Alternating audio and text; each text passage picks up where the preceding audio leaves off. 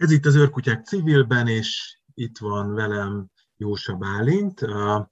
akivel az antirasszista világnapról beszélünk, ami március 21-én lesz. Ez jövő hétfő, ugye? Szia Bálint! Szia Marci, és köszönöm a kedves hallgatókat. Igen, ez, ez pontosan jövő hét hétfőn lesz. Mit lehet erről tudni? Annyi világnap van, ugye, tehát hogy nehéz eligazodni. Miért március 21-e az antirasszista világnap? A tavasz első napja, meg egyéb dátumok is kapcsolódnak ide, tehát ez egy, ez egy ilyen nevezetes csillagászati fordulópont, ugye, de valamiért van ez a tartalom mégis itt.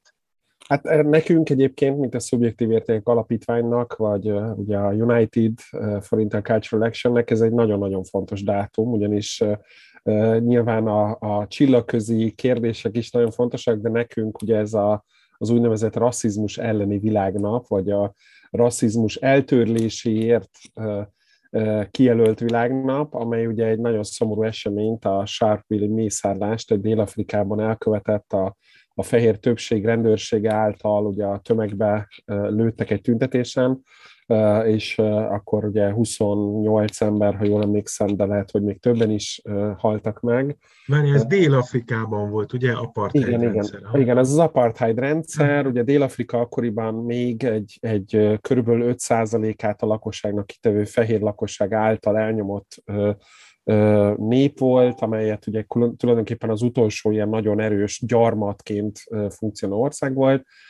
és ez a világnap, illetve hogy az ENSZ közgyűlés ezt elfogadta ugye hat évvel később egy ilyen világnapnak, ez közrejátszott, vagy hát szerepet játszott abban is, hogy Dél-Afrikát az egész világ elszigetelte ugye az apartheid rendszerről, korábban azért nem volt akkora nagy nyilvános közbeszéd, mint, mint ezután a mészárlás után. Ugye elég sok világhírű politikust is köszönhetünk, mint ugye ez a Mandelát például, ugye ennek a, ennek a folyamatnak, illetve magának az afrikai népnek, az Afrika tudatnak a felemelkedését, ugye a, akár az Egyesült Államok polgárjogi mozgalmainak is egy komoly inspirációt adott az a fajta elnyomás, illetve az az ellen való ellenállás, ami, ami ugye Dél-Afrikában zajlott. És hát ugye a, a, tulajdonképpen egy viszonylag demokratikus békés átmenettel a 90-es években ugye véget ért az apartheid, de a, a nyomai, illetve a, az a fajta múlt, ami, ami, ami velünk van, és ugye akár ha nagyon messzire akarok menni, akkor a BLM mozgalom, illetve a, a George Floyd megölése körüli rendőri brutalitás körüli fel, felhorkanás, uh-huh. ez tulajdonképpen elég egyenes vonal 1960 és 2022 között. Bár most mi az idei világnapot nem pont ennek a kérdésnek szenteltük, erről majd biztosan fogunk még többet uh-huh. beszélni, de hogy alapvetően ez, a, ez az esemény inspirálta ezt a világnapot, és ennek keretében a világ számtalan országában, száz fölötti országban tartanak különböző megemlékezéseket. Egyrészt ugye felhívni a figyelmet magának a rasszizmus jelenségnek a, a, a, a mienségére, illetve hogy ünnepelni tulajdonképpen a sokszínűséget is egyben, tehát hogy ez egy ilyen nagyon sok, sokféle világnap, és itt Magyarországon a Szubjektív Érték Alapítvány ugye most már 20 éve szervez különböző eseményeket, de például ezen a napon tartják a, a rasszista, illetve a rasszizmus elleni küzdelem emlék, emlékdíját is, a MEASZ, a, a Magyar Ellenállók és Antifasiszták Szövetsége például uh-huh. ilyenkor adja ki ezt a díjat, amit ha jól tudom, egyébként te is viselsz. Igen, a Radnóti díjnak hívott kitüntetés az pont a rasszizmus ellen fellépő, aktív embereket díjaz ezzel a szervezet. Egyébként említetted a, a United-ot, amelyik egy ilyen európai antirasszista hálózat, ott ugye szintén ez egy fontos kiemelt dátum, és a United felhívja rá az aktivistákat, a civil szervezeteket, hogy csatlakozzanak. Erről tudsz egy picit mesélni, hogy hogy lehet csatlakozni, milyen típusú programokkal, van-e valami ötleted, hogy ha valaki most elgondolkodna ezen? Hogy hát maga a hálózat egyébként már 92 óta működik, és ez a világnap az egyik kulcsfontosságú úgynevezett csúcskampány napja. Egyébként két hétig tart, tehát mi már 14-e és 28-a között tartjuk. Egyszerűen abból a logisztikai indokkal, hogy nem mindenki pont 21-ére tud összehozni valamilyen rendezvényt. A United történelmében ez talán a legnagyobb elérésű kampány, ilyenkor az általános iskoláktól kezdődően sportrendezvények, mozi, mozi műsorok, ingyenes mozi műsorhallgatás, rádió műsorok, szóval nagyon sok minden történik. Idén a, a témája ugye egyrészt a COVID, illetve nyilván az orosz-ukrán konfliktus miatt is egyfajta szolidaritási hív, hív, felhívás, a, a jelmondata az, hogy mutassuk meg a szívünket, illetve hogy show your heart, ami ugye egy kicsit arra utal, hogy, hogy próbáljunk meg empatikusak és, és szeretettel teliek lenni mások iránt. Bár tudom, hogy ez egy ilyen nagyon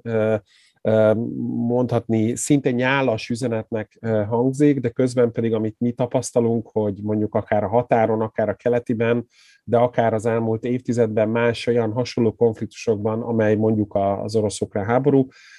az emberek igenis képesek, hajlandóak és szeretettel fordulnak mások iránt, és mi erre szeretnénk felhívni egyrészt a figyelmet azzal, hogy megmutatjuk ezeket a cselekedeteket, tehát ha valaki ilyet csinál, akkor nyugodtan elküldheti ugye a United különböző csatornáinak, és akkor ezt megpróbáljuk a többiek elé, mint jó példa megmutatni, illetve mi magunk is adunk ötleteket, az úgynevezett mikro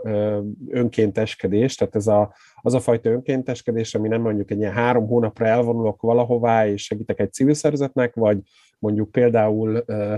felépítek egy falut valahol Dél-Amerikában, hanem, hanem azok a típusú önkénteskedések, hogy mondjuk ha a szomszédom beteg, akkor leviszem helyette a kutyáját. Tehát, hogy igazából ezek nagyon hasznosak lennének, hogyha ha ez, ennek a kultúrája Magyarországon, Európában, a világon jobban elterjedne, és, és nagyon sokat tudna tenni azért, hogy a társadalomban egyfajta béke, szeretet uralkodjon, ami így összetartja a társadalmat, míg ugye úgy gondoljuk, hogy hát ez, a, ez egy tény, hogy a rasszizmus pedig igyekszik szétszedni ezt a mhm. társadalmat, és akkor a United ezért hív föl mindenkit arra, hogy ilyen mikrovolunteeringet, ilyen, ilyen mikroönkénteskedést csináljon, és akkor ettől egy kicsit úgy érezzük, hogy, hogy jobb lesz a világ. Uh-huh. De hát is, hogy említetted, hogy mindig más a téma, de hogy meg hogy mindenki más alkalommal rendezi meg, de a Szubjektív Értékek Alapítványnak sikerül pont azon a napon, március 21-én, ha jól tudom, programot tartani, a szakmai programot. Mit lehet erről tudni? Hol lesz, mi lesz, kik mennek rá, miről lesz szó? Igazából két program is van. Ugye egyrészt van egy valóban, ahogy te is szakmai programnak hívod, ami egy tulajdonképpen két kerekasztal és több olyan a, a közvetlenül a témához kapcsolódó előadás, úgynevezett keynote beszéd lesz, ahova egyébként meghívtuk Földes Andrást, aki maga korábban az Index, most pedig a 444 újságírója, aki egyébként többfelé tudósított már, mind a határon, amikor 2015-ben volt Magyarországon a menekült krízis, mind a földközi tengeri mentőakciókról, mind pedig most Ukrajnáról, Ukrajna a különböző harci területeiről, illetve magáról a, a, a menekült helyzetről. Tehát ő fog egy ilyen, igyek, igyekszik majd egy ilyen elég megható beszédet tartani. Ugye a témánk eredetileg az Európai Migrációs Paktum, ez egy nagyon fura név, ez a Migrációs Paktum, de hát így, így nevezték el, úgyhogy ezzel nem nagyon tudunk mit kezdeni. Ez tulajdonképpen arról szólna, hogy ugye 15 és 22 között Európának a menedék jogi rendszere az nagyon sok sebből vérzett, illetve nagyon sok tagállam nem fogadta el ennek a, ennek a rendszernek a, a, a konkrét intézkedéseit, és tulajdonképpen leállt ez a rendszer, és ezért az Unió igyekszik egyfajta új rendszert kitalálni, és mi arra gondoltunk, amikor még ugye nem volt ez a bizonyos konfliktus, hogy akkor erről a paktumról beszélgessünk egy picikét, hogy most akkor pontosan mik ebben a trendek, mik az elképzelések, hol tart ez most, hogyha megvalósul, akkor, akkor mire várhatunk, ha nem valósul meg, akkor miért nem valósul meg, de hát ugye felülírta ezt a kérdést nyilván a, a, a háború, és ezért most igyekszünk nem csak magáról a paktumról beszélni, hanem azokról az elérhető forrásokról, információról, a segítőszervezetekről, akik egyébként most kénytelen, kelletlen, illetve a saját kötelességükből fakadóan segítenek azoknak, akik Magyarországra jönnek, és hogy egyáltalán ez hogyan változtathatja meg például Magyarországon a menekültek megítélését, illetve hogy mi a pontos helyzet, mi várható a közeljövőben. Nyilván nem a, a biztonságpolitikai kérdésekről, vagy a mhm. háború alakulásáról, hanem kifejezetten a menekültek, menedékkérők helyzetéről fogunk beszélgetni. És este pedig lesz ugye egyfajta többek által születésnapi bulinak is becézett zenei program, ahol igyekeztünk a magyar civil szféra, illetve a mi saját barátaink, támogatóink, kollégáinkat meghívni, hogy, hogy arról a témáról, ami, ami szintén említettem, ez az egész antirasszizmus, mint, mint téma, közösen ünnepeljünk, közösen emlékezzünk az elmúlt húsz évről, hogy, hogy miket csinált a Szubjektív Értékek Alapítvány, milyen projektjeink voltak, e, erről fogunk tulajdonképpen zenélni,